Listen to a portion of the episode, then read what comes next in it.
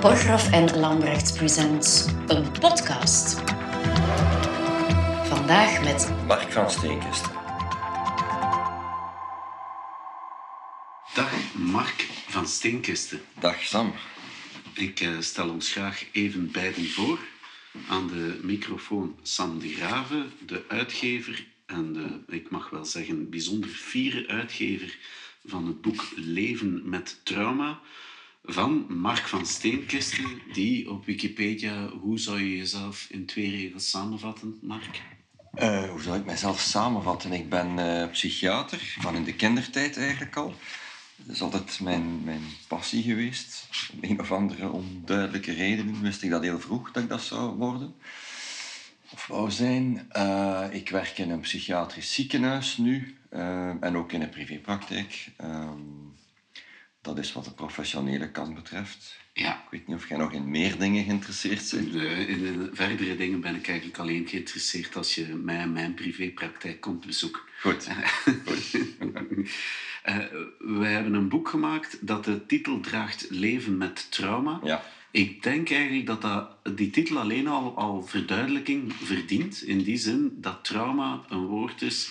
Het doet mij altijd een beetje denken aan uh, in de humaniora gebruikten we heel veel woorden waarvan dat we de betekenis niet helemaal doorgronden. Ik denk dat trauma ook, dat heel veel mensen heel verschillende voorstellingen hebben van wat dat woord eigenlijk betekent. Mm -hmm. Hoe zou jij het definiëren? Als we naar de zou ik zeggen, technische literatuur gaan, de vakliteratuur, hè, dan definieert men een trauma als een gebeurtenis, hè, dat de externe wereld, die uw normale copingmechanismen overschrijdt.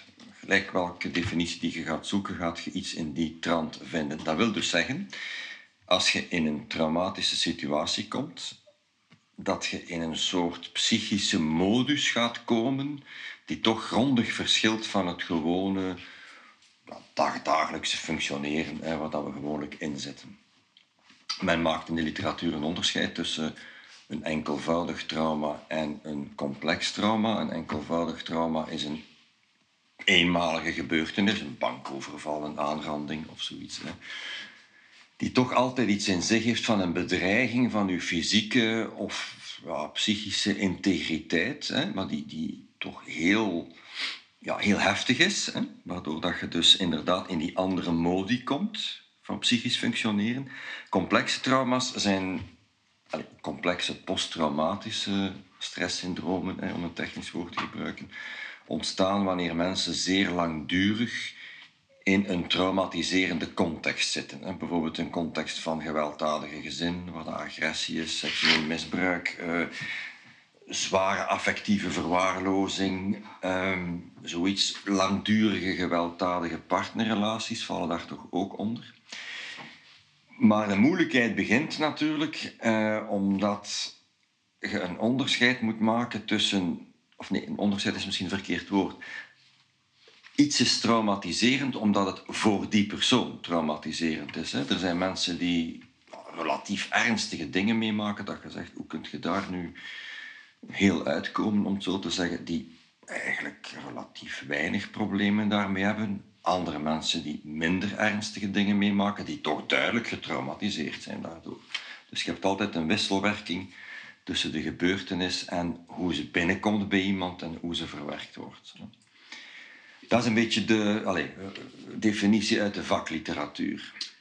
Klopt het, of is dat uh, mijn aanvoelen dat de aandacht voor trauma toch de voorbije jaren enorm toegenomen is? De, misschien ook de wetenschappelijke kennis, maar je voelt dat ook populariserend er meer en meer aandacht voor het thema lijkt te zijn. Dat is absoluut zo. Ja. De laatste, goh, zou ik zeggen, twee, drie, vier jaar zie je dat. Uh, zie je dat die belangstelling daarvoor toeneemt. Er zijn veel meer congressen, veel meer symposia. Uh, met een feed van de social media. Natuurlijk, dat is door, door interesseveld ook. Maar ziet je ja, bijna een wildgroei aan, aan belangstelling voor trauma, aanbod voor trauma. Maar natuurlijk ja, alle risico's van dien.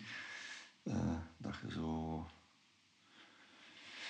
Ja, soms... Uh, mensen krijgt die zich daar beginnen mee bezig te houden, dat je van afvraagt, ja, maar is dat nog wel is dat nog wel oké, maar enfin, dat is misschien een ander debat. Nee, maar eh, het, misschien kan ik uh, toch een vraag daarover stellen. In die zin, ik denk dat je kan stellen dat onze samenleving mm -hmm. een, een um, hoe moet ik dat zeggen, een relatie aangaat met het slachtofferschap. Ja. en een slachtofferschap is niet per definitie, of jezelf een slachtoffer voelen, is niet per definitie hetzelfde als een trauma hebben. En ik denk dat we daar toch een onderscheid in kunnen maken. Ja, daar heb ik in het boek een paar uh, allusies op gemaakt. Um, laat ons vertrekken van iemand waarvan dat we zeggen dat is iemand die toch getraumatiseerd is. Daar, daarvan vertrekken. Wie kunnen we als voorbeeld nemen? Uh, iemand die als kind seksueel misbruikt is uh, en daar serieuze gevolgen van heeft. Hè. Die is getraumatiseerd, laten we zeggen. Bon. Um, ik denk dat die mensen een heel moeilijk pad moeten bewandelen wat betreft het slachtoffer zijn. Aan de ene kant, zo een van de dingen die je toch mocht stellen, is dat het centraal gegeven van een traumatische ervaring, of van het ervaren van een trauma, dat is misschien juister, de machteloosheid is. Op, op een of andere manier zit dat er altijd in. En machteloos moet je toch voorstellen als totaal machteloos ja, ik werk zelf meest met mensen met interpersoonlijke trauma's. Dat wil zeggen trauma's die te maken hebben met iemand anders. Als je in een aardbeving een dag bedolven zit onder het puin, dat is ook traumatiserend, maar dat is niet, of kan traumatiserend zijn, maar dat is niet interpersoonlijk. Hè. Dus trauma's die komen door, laten we zeggen, een kwaadaardige, boosaardige behandeling, bejegening vanwege iemand anders. Het gaat over die dingen. Hè.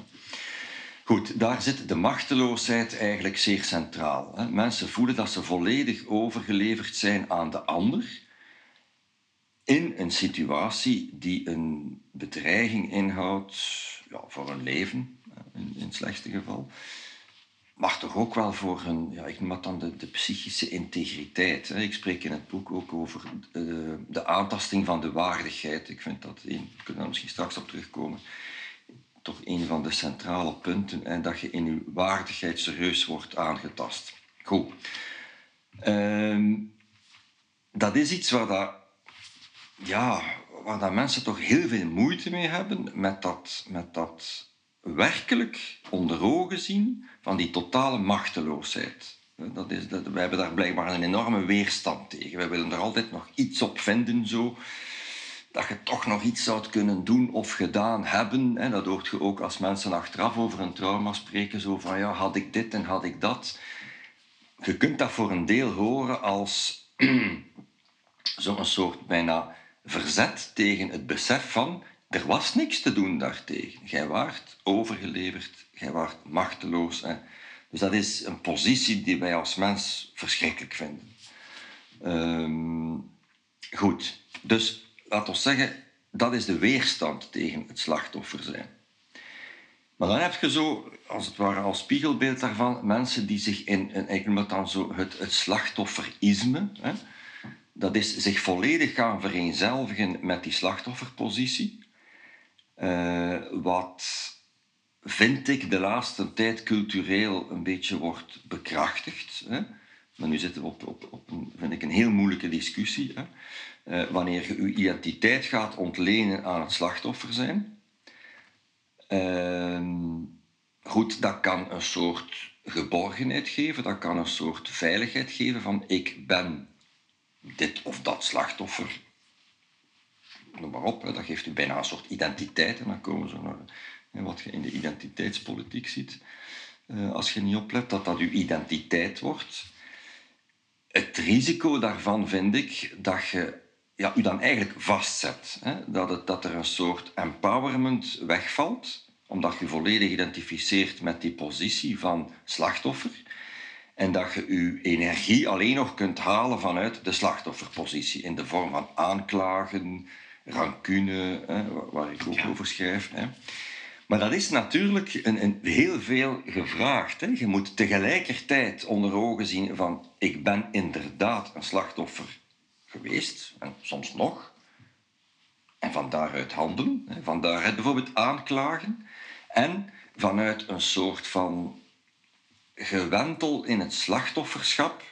En dat klinkt zo wat veroordelend. Uh, dat u in feite machteloos maakt. Dat u, dat u vastzet in, in een soort krachteloze, machteloze positie. Hè. Je hoort vaak mensen toch zeggen van... Uh, van die prominente figuren toch, die, die, die, vaak zo de spreekbuis zijn voor mensen die vervolgd zijn of zo. Die zeggen, ik ben een slachtoffer, maar ik wil mij, geen, ik wil mij niet in die positie zetten. Ik vind dat eigenlijk de juiste, dat is het juiste middel. Hè. Ja. Um... Wat ik uh, mij al vaak heb afgevraagd, maar misschien is dat kort door de bocht. Maar uh, je schrijft, vind ik heel mooi, over uh, trauma door de eeuwen heen eigenlijk. En al mhm. post-Tweede Wereldoorlog. Ja. daar kunnen we ook straks nog een beetje op ingaan. Maar mij boeit wij zijn eigenlijk ontkerkelijkt mm tussen de jaren 50 en eind van de eeuw mhm. ongeveer. in dat christendom dat hier in deze regionen mhm. het meest aanwezig was. ja, daarin is lijden, daar is een antwoord op door de religie eigenlijk. Mhm. Als die ontkerkeling, de ontkerkelijking, de seculiere wereld, is daar de, de psychiatrie, de traumabehandeling een antwoord op dat lijden? Want we, we kunnen daar moeilijker en moeilijker mee om, met een zin te geven aan dat lijden, lijkt mij. Mhm. Ik denk dat er in de zogenaamde behandeling, want ik vind dat een problematisch woord, behandeling van posttraumatische stresssyndromen, zoals men dat dan noemt, dat je daar drie registers in hebt voor mij. Hè? Je hebt een eerste register, dat is zo het, het niveau van de symptomen. Hè? Mensen die flashbacks hebben, nachtmerries, angstaanvallen, dat soort zaken, uh, slaapstoornissen, fysieke klachten. Hè. Laat ons zeggen, dat komt vanuit de fysiologie van het posttraumatisch beeld. Hè. Ik denk dat dat behandeld kan worden in de zin, zo behandeling dan in de medische betekenis van het woord. Hè. We niet ingaan op alle mogelijke technieken die daarvoor bestaan. EMDR, eh, e mindfulness enzovoort. Dat is zo symptoom, het symptoom van de fysieke arousal. Dan heb je een tweede niveau, dat je ook nog zo in, in zo de psychologie kunt situeren, lijkt me. Dat is dan vooral bij mensen met langdurige blootstelling aan trauma's. Iemand die zo de ene keer een trauma meemaakt, gaat dat meestal minder hebben, toch na verloop van tijd. Hè. In de eerste tijd daarom niet. Maar dat is zo de aantasting van uw basisvertrouwen, van uw, hechting, manier van eh, relaties kunnen aangaan. Dat kun je ook nog in de, hoe we zeggen, psychologische context plaatsen. Ja. Dan gaat de klassieke psychotherapie na verloop van tijd, uh, dat is meestal langdurig werk, uh, ook wel iets kunnen doen. Maar dan heb ik toch, weerhoud ik toch een derde niveau. Ja, ik, ik vind geen goed woord daarvoor. Hè. Zo, ik heb dat genoemd, denk ik, in het boek het spiritueel-existentieel niveau. Ehm, met alle risico's van het woord spiritueel, hè, dat zoveel vertakkingen heeft. Ehm, en dat is toch van hoe leeft je bijvoorbeeld met onrecht? Hoe leeft je met echt de vreedheid van mensen tegenover elkaar? En dat is misschien allemaal nog ja, vanuit een of andere filosofische stoel op een zondagmorgen eh, naar een podcast aan het luisteren, kunnen we daar van alles over denken. Maar als je daar werkelijk mee te maken hebt gehad, hè, uh, direct, hè, in je directe ervaring, dan staat je toch wel voor een opgave, vind ik. Van uh, hoe leeft je? Ja, hoe, leeft je je leven? Waar dat, dat in gebeurd is. Waarbij dat dan niet alleen zoiets theoretisch is, maar je hebt dat meegemaakt. Uh, je zit zelf met allerlei gevoelens van ja, enerzijds onmacht, maar misschien ook ja, rancune, beschadiging, bezoedeling. Hè. Die dingen. Uh, dat is zo een, een, niveau, vind ik, dat zo vaak in de schaduw blijft. Hè. Uh, Goh, en om op uw vraag te antwoorden, ik, ik denk dat daar nu een leegte is op dat niveau. Hè. Uh, ik maak in mijn boek regelmatig allusie op, op zo het religieuze. Uh, ja, dat is een podcast op zich, vind ik. Ze, uh, zo van... Hoe, hoe, zou ik het, hoe zou ik het formuleren? Ehm, ik denk niet dat... Denk ik, hè dat is mijn aanvoelen, ook als kind van mijn tijd en product van, van het proces dat in een maatschappij is gebeurd. Ik denk niet dat wij terug kunnen naar een soort, allez, het, katholieke Vlaanderen van de jaren 50, 60. Hè. Hoezeer dat, dat ik daar nog door gevormd ben misschien. zo werkelijk geloven dat er een, een, een God is als hè, persoonlijke entiteit die met ons bezig is, ik denk dat we daar toch moeilijk mee hebben om dat terug te installeren.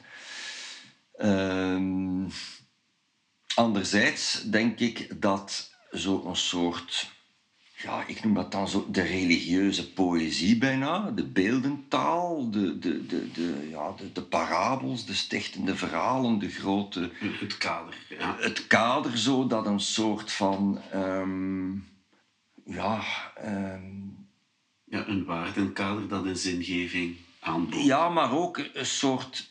Iets dat iets weerspiegelt van, van u. Hè. Eh, ja, Maria die weent aan het kruis bijvoorbeeld, om haar gestorven zoon. En dat beeld alleen, wat zit er allemaal in? Het verraad, het, het, het onrechtvaardige, het, het, ja, het, het stank voor dank in de wereld, hè? eh, waar je niks kunt aan doen, de machtsverhoudingen. Hè? al die verhalen plakken daaraan vast, je ziet die niet. In dat beeld alleen denk ik dat er bijvoorbeeld voor mensen vroeger zoiets zat van de aanschouwing van dat beeld, hè? dat dat iets doet. Ehm, werkt dat nog bij ons? Ik weet het niet of het nog werkt. Maar Zo'n ik denk ding. dat we hier wel een, een brug kunnen maken naar wat dat je eigenlijk in het boek doet. Eh, je geeft eh, kunst een heel belangrijke Ja, eh, ja. Mhm. plaats in het boek. Hè. Je vergelijkt eh, het, je vergelijkt je. ehm, eh, eh, eh, citeert films en literatuur en om eigenlijk een aantal dingen te kaderen en te plaatsen en gevoelens de, Ja. Eh, van onmacht te illustreren Mhm. eh, met. Dus tot op zekere hoogte is kunst een eh, soort van pleister, eh, medicijn. Ja, die kan het ons veel duidelijk maken. Voor mij persoonlijk zit kunst, en dan bedoel ik kunst zo die toch bijna zo- zo op een archetypisch niveau aanspreekt, ligt dat toch dicht bij wat, wat dat ik in dat religieuze vind. Zo die, die- een bepaalde beeldentaal. eh, ik geef zelf denk ik op een het voorbeeld van, van King Lear, hè, van Shakespeare. Hè. Eh, King Lear die zijn dochters bij zich roept. En dan aan hen vraagt wie ziet er mij hier het liefst. Hij ging zijn erfenis voortijdig verdelen en dan wie ziet er mij hier het liefst. Ik heb dat ook met mijn drie kinderen gedaan en dat ging vlot. Dat ging vlot, ja, maar je bent nog niet aan het einde, Sam, van uw verhaal. Goed, King Lear, eh, die twee oudste dochters beginnen wat eh, stroop aan zijn baard te smeren. Hè. De derde is eigenlijk, zegt ze, ja vader, ik parafraseer nu, zoiets van, ik kan daar moeilijk iets over zeggen. Ik zie u graag zoals een dochter haar vader graag ziet. Wat eigenlijk een heel integer antwoord is. eh, ze, ze, smeert geen stroop aan zijn baard. Wat doet King Lear? Hij verstoot haar en hij gaat bij de twee anderen dan gaan intrekken die elk de helft van zijn, bezittingen krijgen. Uiteraard wordt hij een brave vader overal langzaam buiten gebonjourd, gelijk dat ze zeggen. En kan hij nog terecht bij zijn jongste, bij zijn Cordelia, die derde dochter? Goed, dat is een, zeggen, een simpel verhaal, maar wat treft mij daarin? Bijvoorbeeld als je tegen mij zegt King Lear, hè, ehm, dan is dat voor mij een soort symbool van hoe kunt je het nu in je kop krijgen van zo'n vraag aan uw dochters te stellen en wat had je gedacht? Hoe dat, dat ging aflopen. Dat kon op geen enkele manier goed aflopen. Hè? Wel, ik kan dat zo wel eens krijgen, dat ik ook zo wat hè, op, opge- opgedraaid raak of, of, of wat verontwaardigd word. hè. Hij, hij is dus heel verontwaardigd over zijn, zijn dochter Cordelia, die, ja, die een flauw antwoord geeft. Dat is niet het antwoord dat hij wil horen. Hè. Eh, maar zo, King Lear is bijvoorbeeld voor mij persoonlijk een, een herinnering aan... Pas op, je kunt je te kwaad maken of je kunt... ehm, er zijn grenzen aan wat je kunt doen. Hè? Ook in dagdagelijkse situaties. Ik bedoel nog niet... Ik ben geen King Lear met drie dochters die dat gaat doen. Hè? Maar er zijn ergens grenzen en als je daarover gaat, loopt het mis. Hoe dan ook. Hè? Eh, dat zit bij mij allemaal in dat één beeld van, en ik zie die dan voor mij zitten, King Lear met zijn drie dochters die daar zijn kop heeft gekregen van ze alle drie te laten opdraven. Hè. Dat zijn bijna symbolen. Hè. Ehm, Ja, in wezen vertelt kunst altijd een aantal archetypische Ja, verhalen aangepast aan de zeitgeist. Hè? ja, vandaar dat ze altijd moeten heruitgevonden of herschreven worden. Hè. Dus elke tijd moet, en ik denk dat dat de grote schrijvers zijn die erin slagen van in deze tijd dan onze dilemma's te vatten in, in, een, ja, in, een, in een beeld, in een persoon, in, in ja, Een dans, ja. ja, voilà. En, en dan ineens staat dat daar.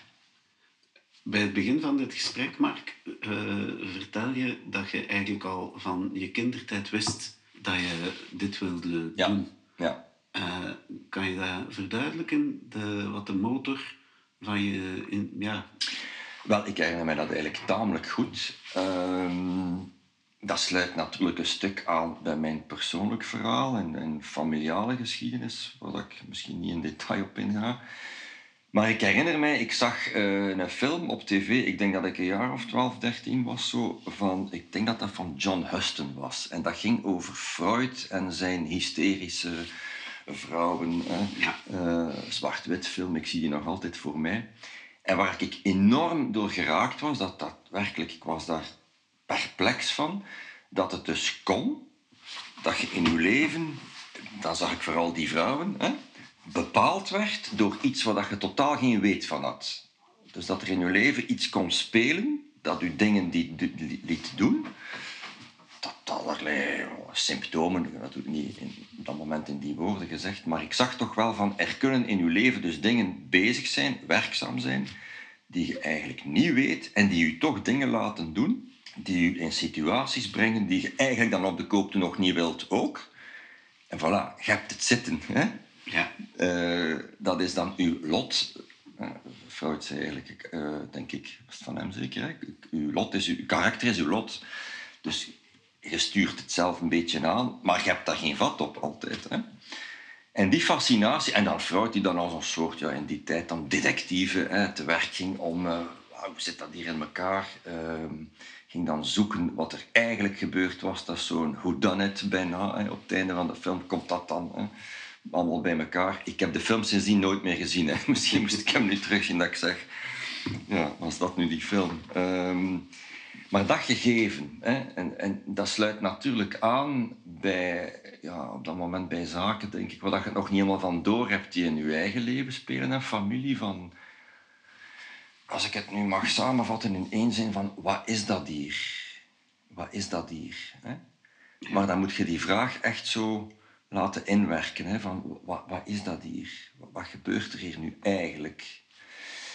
En ik moet zeggen, dat is nog altijd voor mij de, de, de passie van ook met mensen te werken. Hè, van, eh, wat is dat hier? ja, want En je, samen met een ander, wat is dat hier? En hoe gaan we daaruit geraken? Zoiets. ja, want je lardeert je boek niet alleen met eh, laten we samen naar deze film kijken hè, eh, Mhm. en wat kunnen we in die film zien, maar je lardeert je boek ook met verhalen uit je hè, Ja. inmiddels decennia lange Mhm. praktijk. Mhm. Waar dat eigenlijk bijna altijd uit blijkt dat de dingen eh, langzaam maar aan de oppervlakte komen. Ja. Ja. Ehm, ja, dat is toch meestal wel een beetje... Mensen komen met iets... Meestal is dat zoiets zeer algemeen. Hè? Depressie, angst. Het is zelden dat je... ja, dat mensen haarfijn kunnen uitleggen wat het probleem is en, en, en wat ze dan verwachten. Dat op zich... Het is ook zo'n valkuil. Hè? Tegenwoordig is dat zo, vind ik, een beetje de gewoonte van... Wat is de hulpvraag? Wat is de hulpvraag? Maar het komen tot wat is eigenlijk mijn hulpvraag is op zich al Een proces. een proces. Hè? Je komt niet met een kant... Ja, je hebt last van iets. Uiteraard. Maar... En dan wordt die hulpvraag dan hè, zo al of niet onder druk van eh, de behandelende teams gereduceerd tot altijd dezelfde clichés. Grenzen leren stellen, mijn gevoelens leren uiten en een beter zelfbeeld ontwikkelen. Dat is dan zo... Je kunt dat al bijna... Zeg dat, hè, dat horen zich graag, zo, zoiets. Hè. Dat is natuurlijk maar een soort, bijna sociaal wenselijk antwoord. Ehm, ja, waar zit ik eigenlijk mee? Ja, dat is het laten ontstaan van die vraag. Hè. Dat is een eerste ding. Went het ooit? Stelde jij op en eh, is elke dag een nieuwe zoektocht? Of komen er toch mechanismen in? Ik weet hoe dat ik iemand dichter bij zijn verhaal kan brengen. Die, eh, want je zegt er is een explosie aan nieuw onderzoek, aan nieuwe wetenschap. Eh, ja, hoe- zie je daar die evolutie in, in, de, in, je, in je beroepspraktijk? Ja, ook daar is dat weer dubbel, vind ik. Zo die basishouding van, ehm, of dat basisgevoel of zoiets. En dat noemde Lacan eigenlijk het, het verlangen van de therapeut. Zo, hè. Dat is eigenlijk niet veranderd. Ik heb nog altijd die houding van, of dat gevoel van wat is dat hier? Eh, we gaan hier samen, we gaan het samen uitzoeken zo. Hè. Natuurlijk, naarmate dat je het werk langer doet, denk ik dat je veel meer, ja... Maar je bent u daar niet meer van bewust. Hè. Dat is een soort bijna automatisch. Je zet u in uw stoel, de ander zit ook in de stoel en, en automatisch zit je in een bepaalde modus. Zo gevoelt dat toch, vind ik. Een soort, eh, ja... Waarbij dat je waarschijnlijk heel veel dingen door je ervaring impliciet doet, hè, die in de boekjes staan, zo het ABC van de psychotherapie. Hè. Mensen laten spreken, luisteren, onbevooroordeeld enzovoort. Dat zijn dingen die op een duur, denk ik, in je automatisch repertoire komen. Maar ik zit toch graag aan de grens altijd van wat dat je kunt. Zo van... Ja, en dan de kennis die je daarbij opdoet, uh, ja, dat doet je wel evolueren. Ik werk nu anders dan twintig jaar geleden bijvoorbeeld. Hè. Vroeger geloofde ik heel sterk dat het laten spreken van mensen zonder meer, wat een strikt psychoanalytische houding is, dat dat op zich werkzaam was. Ik ben daar een beetje van teruggekomen, eerlijk gezegd. Ik denk dat je mensen toch ook wel dingen moet aanreiken. Zo waarmee dat ze aan de slag kunnen. En dan zie je wat er gebeurt. En dat, dat verkent je dan. Hè. Um, maar het is heel subtiel. Hè. Ik geloof niet in het toepassen van technieken.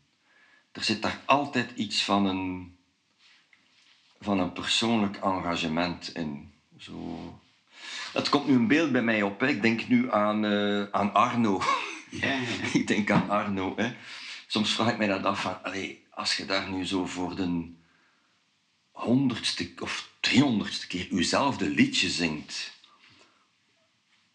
werkt dat nog wel. En toch, wel ja, nu dat ik het vertel, het is een beetje dezelfde dingen. Ik denk toch nog altijd dat als je daar dan, Arno nu op het einde, je weet, ik leef niet lang meer, uh, ik ga nog eens mijn uh, Dans les yeux de ma mère zingen, dat hij dan toch nog altijd dat, op dat moment voor de eerste keer zingt.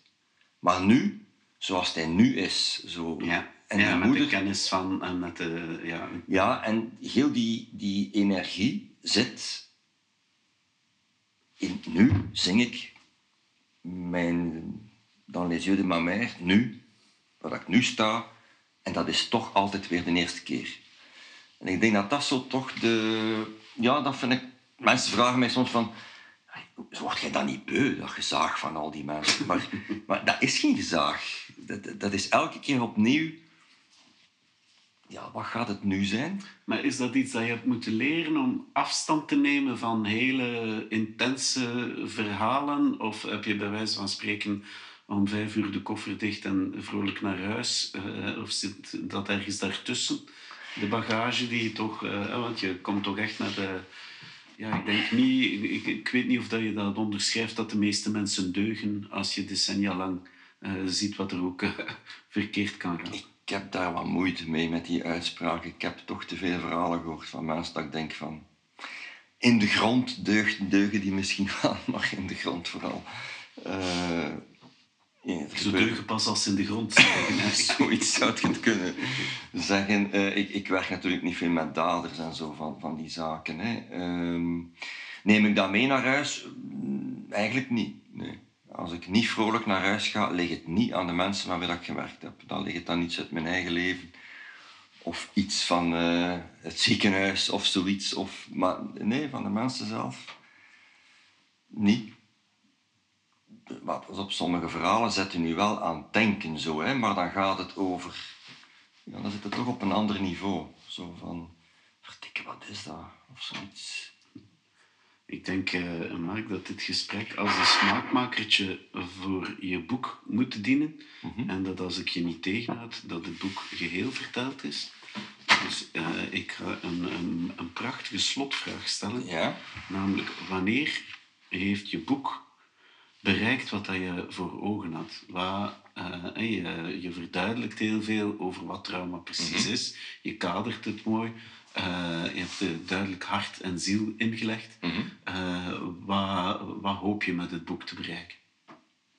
Of waarom wilde je het schrijven? Behalve dat ik dat met veel aandrang gevraagd heb. Je hebt dat gevraagd, ja. maar ik wou het ook wel. Allee, nee, nee, als schrijvende voelde ik dat, dat ik dat echt wel wou. Ehm, dat, is, dat, is, op verschillende niveaus. Hè. Waarom ik het boek wou schrijven, want ja, dat komt er natuurlijk ook weer bij dan. Hè. Uh, Alweer niet vrolijk naar huis, nog schrijven. maar nog wat later, nog wat later in uw bed enzovoort. Tot ongenoegen van sommige mensen natuurlijk. Uh, sorry. Hè? Sorry. Ja, sorry, nee, nee. Uh, maar dat is zo toch van... Het geeft mij een goed gevoel van te zeggen... Want god, ja, als je dat boek leest... Ik weet niet wat dat is om dat te lezen als je dat nog... Ik heb het zodanig veel bewerkt. Of, of in mezelf dat ik dat nog moeilijk als buitenstaander kan lezen. Maar wat ik er heel fijn aan vond, dat is van... Ik herinner mij, goh, hoe lang is dat geleden?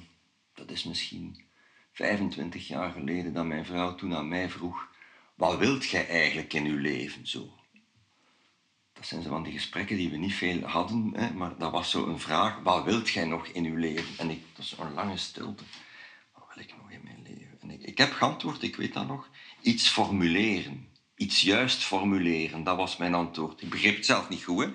Dat was, en eigenlijk is dat, als ik bij dat boek uitkwam, gaat het eigenlijk daarover. Hè? Van iets juist formuleren. Ik ga me straks verduidelijken. Hè? En een tweede ding is toch iets van... Ja, ik heb dat denk ik in het tankwoord gezet. Iets teruggeven aan de wereld. Uh, vind dit toch wel een uniek beroep. Als ik mag zeggen, zo, de therapeut, psychiater zijn. Uh, je ziet toch mensen op een manier die je in het dagelijks leven bijna nooit ziet. Mensen zijn, goed, iedereen allee, bedriegt zichzelf en de ander zou je kunnen zeggen vanuit, ja, vanuit de werking van uw geest, maar mensen proberen toch echt wel eerlijk te zijn als ze bij u zitten. En er zijn weinig plaatsen, waar, ook ik, hè, waar dat je dat kunt doen. En ik vind dat toch iets uniek, dat je elke keer zo, alleen niet elke keer, maar toch heel vaak die ervaring krijgt. Dat is één ding. Dat, stemt, dat geeft mij een soort dankbaar gevoel. Als ik daar zo op terugkijk, van verdorie, dat is toch een voorrecht zo. Ik kan niet zeggen privilege, want dat is zo een ondertussen speciaal woord, maar dat is toch een voorrecht, vind ik, ja, dat je dat kunt doen. Uh, dat maakt, en goh, dat is zeker niet pretentieus bedoeld, dat ik zeg van, ik wil daar toch iets van teruggeven aan de wereld. Ja, wat is de wereld dan? Hè?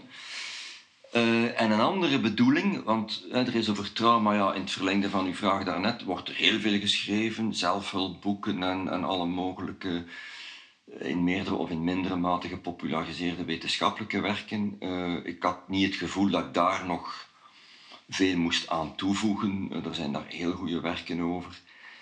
Maar wat ik weinig, en ik vind dat toch een heel belangrijk element in dat werk, dat is zo van, ik schrijf daar ergens van, een van de ja, dingen die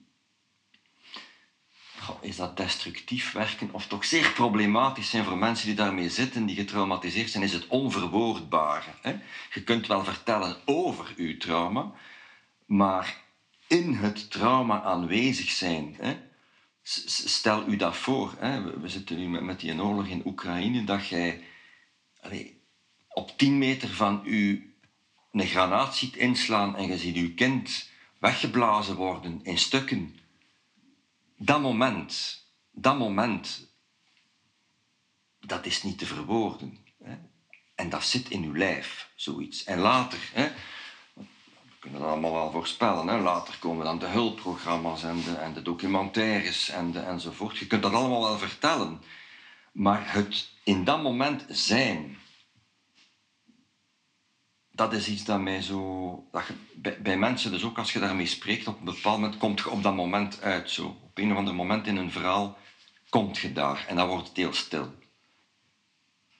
En ik denk dat ik met dat boek geprobeerd heb van toch nog iets te zeggen daarover. Dat is eigenlijk mijn insteek. Dus als, als een lezer zo een soort gevoel heeft van Jezus. Uh... Maar ik denk niet toevallig. Uh, kan je naar de literatuur verwijzen, hè? omdat je na de Tweede Ja. Wereldoorlog in Duitsland, hè, wat dat mij altijd enorm geboeid heeft, Ja. Is dat ze eh, dat literatoren, hè, je had de beweging die stunde nul, Ja, van wat kunnen we nog zeggen? ja, Wat kunnen we nog zeggen na wat nu gebeurd is? ja, ja. En heel langzaam, eh, ja, eigenlijk in de eerste plaats bij, met gedichten, hebben mensen terug een taal gevonden die altijd onmachtig en ontoereikbaar is. ja. Net zoals een wervend gesprek over jouw boek ontoereikend Ja, en onmachtig ja, ja. is, maar dat er wel dankbaarheid is bij mij. Mhm, Om het even eh, ja, in Leiden te kunnen, eh, te kunnen schetsen. Ik denk dat het dat proces is. Hè. Eh, Duitsland heeft inderdaad als, als land, als, als cultuur, daar een, hele- een hele weg moeten afleggen. Ik herinner mij, een, hoe lang is dat geleden? Een jaar of tien was ik eens in Freiburg. Eh, ik zou het kunnen terugvinden, want het was het wereldkampioenschap voetbal. En de Duitsers hadden gewonnen. Ik weet niet, je moet dat kunnen googlen wanneer dat dan Ze winnen altijd. Ja. Dat is heel moeilijk om te en eh, ik, zat, ik was op een, eh, op een retraite van een week over compassietraining. En oh, s'avonds ging ik nog met een paar jonge Duitse vrouwen een glas drinken, die ook op die training waren. Laten we zeggen dat die zo eind de 20, 30, begin de 30 waren. Zo. Ja, en dat zijn dan zo van die lapsussen die je natuurlijk dan maakt. Hè. We zaten op een terras. ehm, en al die Duitsers met hun Duitse vlaggen hadden gewonnen, hè, wereldkampioen. En ik zei, ja, ik zei tegen een van die vrouwen, allee, ik zeg, dat doet nog deugd van een keer weer wat Duitsers te zien die met de Duitse vlag durven zwaaien. Ja, dat is een opmerking op het randje. Die vrouw stond sprakeloos. Hè. Die, die zei... eh, je zag duidelijk dat hij in, in, embarrassed, allee, dus verlegen, in een soort verveelde toestand kwam. Ik dacht, oei, hoe had ik nu gezegd? Ehm, en toen zijn we daar zo beginnen over spreken, zegt ze, jij kunt met een vrouw van 30 jaar, in laten we zeggen 2014 of 13, 12, ik weet het niet meer, zegt ze, jij kunt niet beseffen hoe dat die schaamte nog speelt bij ons. Dat is een vrouw van de vierde generatie, hè, die, die eigenlijk geen weg wist daarmee. Hè. En dan een, er is een heel gesprek, maar eigenlijk, ja, misschien interessant dat ze te vertellen, er is een heel gesprek over, over voortgevloeid, uit voortgevloeid, dat ik zei van, maar ik zeg, ja, wie ben ik om dat te zeggen? Ik zeg, maar zou het niet tijd worden dat je als Duitsers stopt met dat schaamtegevoel als vierde generatie en eerder u ziet als iemand die de wereld een boodschap moet brengen van iedereen in de juiste context geplaatst gaat dat doen, hè, wat er hier gebeurd is. En dat je daarvoor begint te staan. eh, dat vond ze een rare insteek. Ehm, want ja, zoals dat zij dat zag, was dat zo precies van wij willen daar niks mee te maken hebben. Maar ik zou zeggen, pas op van de nazi in u. En ga daarvoor waarschuwen. Ehm, Ja, dus je kunt inderdaad niet alleen op een persoonlijk, maar ook als land een trauma... als land zeker, ja, absoluut. Absoluut. Ehm, ik weet niet, misschien dat Duitsland nu toch met wat er nu gebeurt zoiets heeft van... Ja, maar we kunnen niet blijven... En, en dat noem ik slachtofferisme. Hè? Dat is op den duur eh, verlamd zijn door die positie van... Zij zijn dan... Ja, slachtoffer van wat ze zelf hebben gedaan, om het zo te zeggen. Hè? Wat, wat dat ook traumatiserend kan zijn. Hè? Ik, ik heb daar denk ik een paar zinnen over geschreven, over militairen die ik af en toe eens zie. Die dan terugkomen van zogenaamde vredesmissies, die dus absoluut niet zo eh, vredevol verlopen. Hè? Eh, en die daar dus mee zitten met wat ze zelf hebben gedaan, moeten doen. Ehm, Kijk, ik ben eh, eh, al lang gefascineerd eh, door de eh, spreken en zwijgen. Eh, wanneer is het zinvol om te spreken? Wanneer is het zinvol om te zwijgen? Ik denk dat we hier een mooi orgelpunt van het gesprek kunnen hebben. En eh, ik eh, zou van harte luisteraars allemaal willen aanbevelen om dieper in het boek te gaan en Ja. dat we een sequel aan dit gesprek nog breien. ja, is goed. Dank u zeer. Dank u.